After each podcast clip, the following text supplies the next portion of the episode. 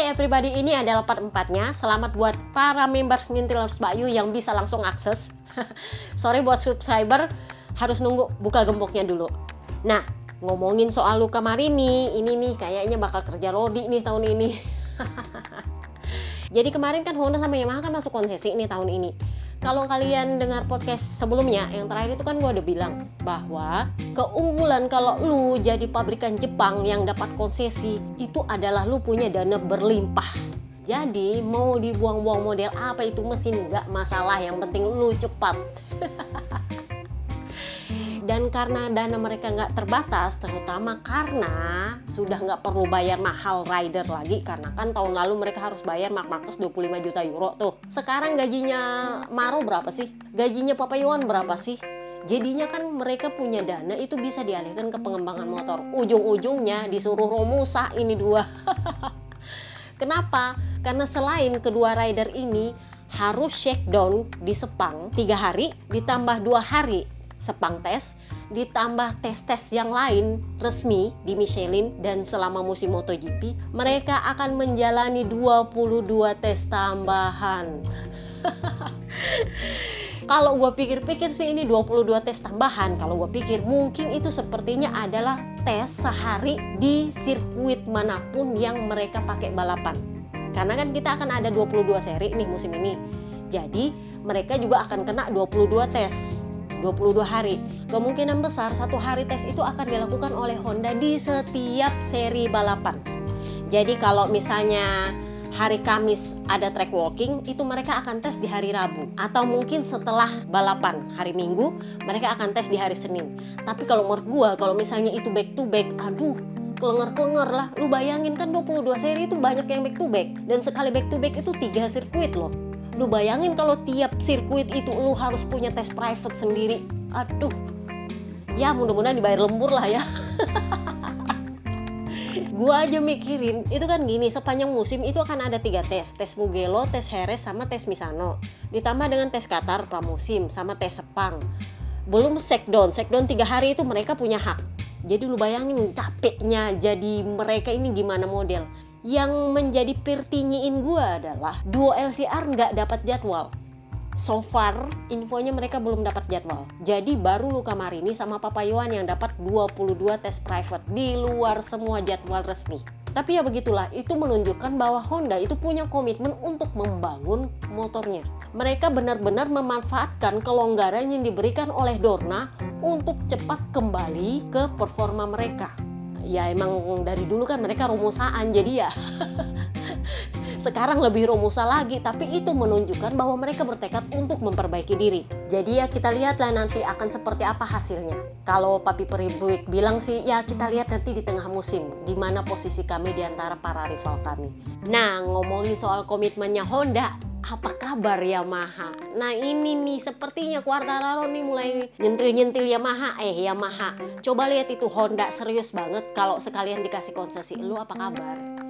Jadi Quartaro mulai wanti-wanti, saya itu nggak mau mentok cuma satu jurdun, saya pengen nambah jurdun lagi. Jadi tolong Yamaha, please, ayo kita kerja.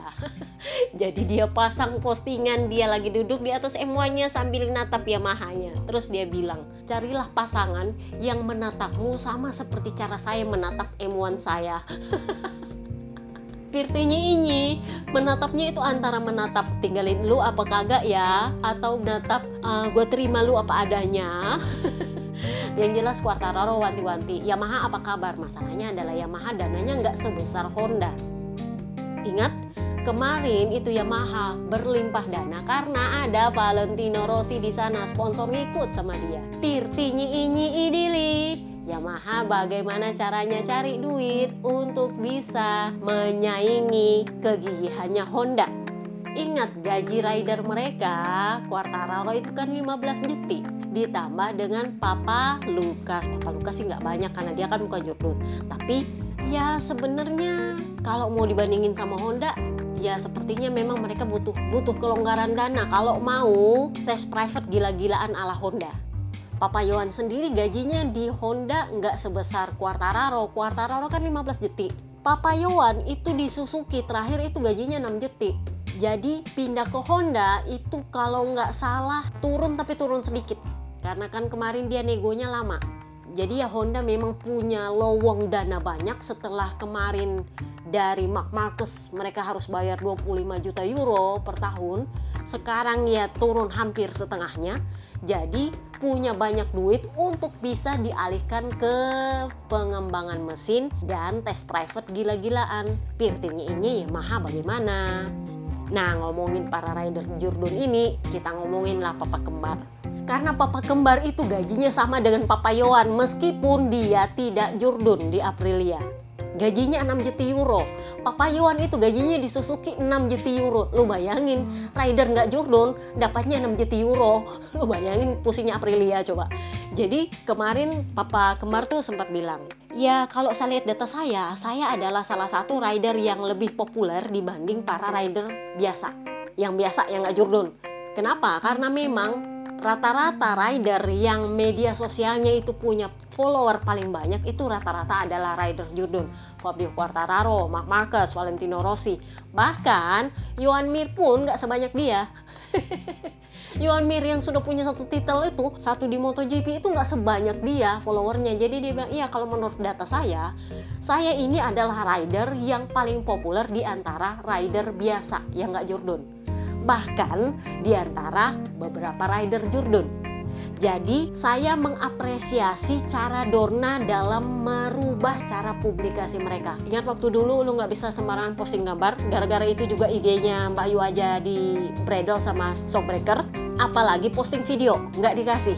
Padahal kita posting karena MotoGP nggak posting jadi kita ada momen-momen yang pengen kita share, tapi karena MotoGP nggak publikasi, ya kita potong lah itu video, ditaruh di postingan. Akhirnya kena bredel lah kita sama Shockbreaker dilapor sama Dorna.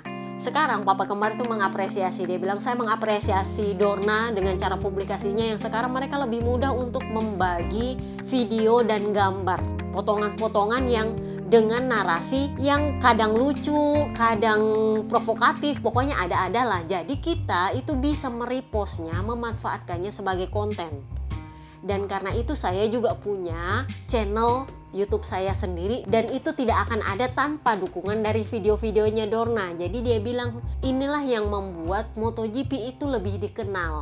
Kenapa? Semakin dikenal ridernya, semakin dikenal juga MotoGP-nya bukan karena MotoGP-nya dikenal, ridernya ikut dikenal enggak.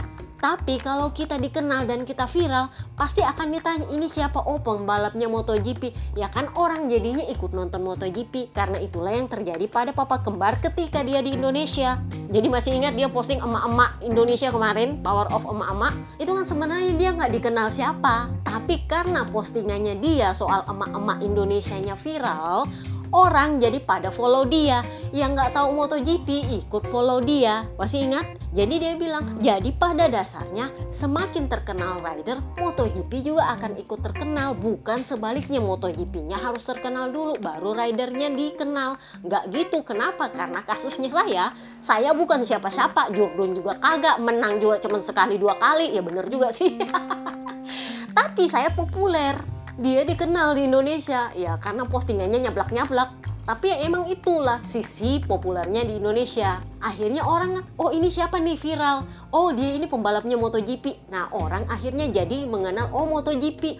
Oh mau diadakan di Mandalika. Ya orang akhirnya nonton ya emang masuk di akal logikanya Bapak Kembar. Jadi dia bilang, saya berharap ini akan terus seperti ini dan nantinya itu akan lebih baik. Jadi dia bilang sebenarnya kalau MotoGP bagus publikasinya, mereka bisa membuat karakternya Fabio Quartararo itu kan sebenarnya dia agak-agak fun dan lucu-lucu gimana itu mirip-mirip dengan Lando Norrisnya F1 masih ingat Lando Norrisnya F1 yang dia itu fans Baby Vale sampai pakai topi kuning waktu nonton MotoGP gitu dia itu sebenarnya sefun itu tapi ya ternyata emang nggak terlalu fun sih tapi ya ya bisa mirip-mirip lah karakternya Nah, sementara Acosta, ya ini karena ini anak masih muda, ya kita nggak tahu nanti akan seperti apa. Kalau dia nggak malu-malu di luar sirkuit, ikutan seru-seruan ya mungkin bisa bisa untuk menjadi sebuah karakter yang memperkenalkan MotoGP kepada halayak luar.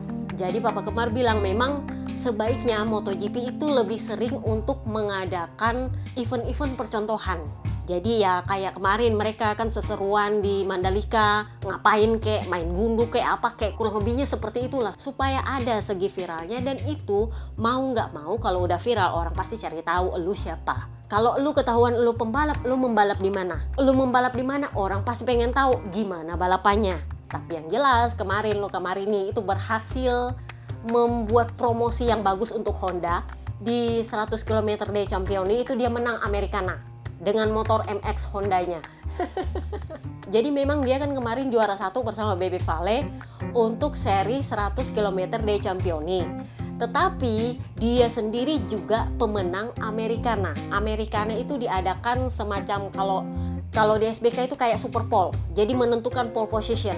Jadi mereka menentukan pole positionnya itu di balapan Americana. Nah, yang menang adalah Luca Marini dengan motor Hondanya, dengan letter Hondanya itu pula. Jadi ya kalau menurut gue ya lumayan lah ya promosinya Honda di antara para deretan Yamaha di situ. Jadi yang juara satu di Americana kemarin kalau nggak salah itu si Luca Marini, Baby Vale P3, P2 gue lupa siapa, Morbidelli apa siapa ya, gue lupa.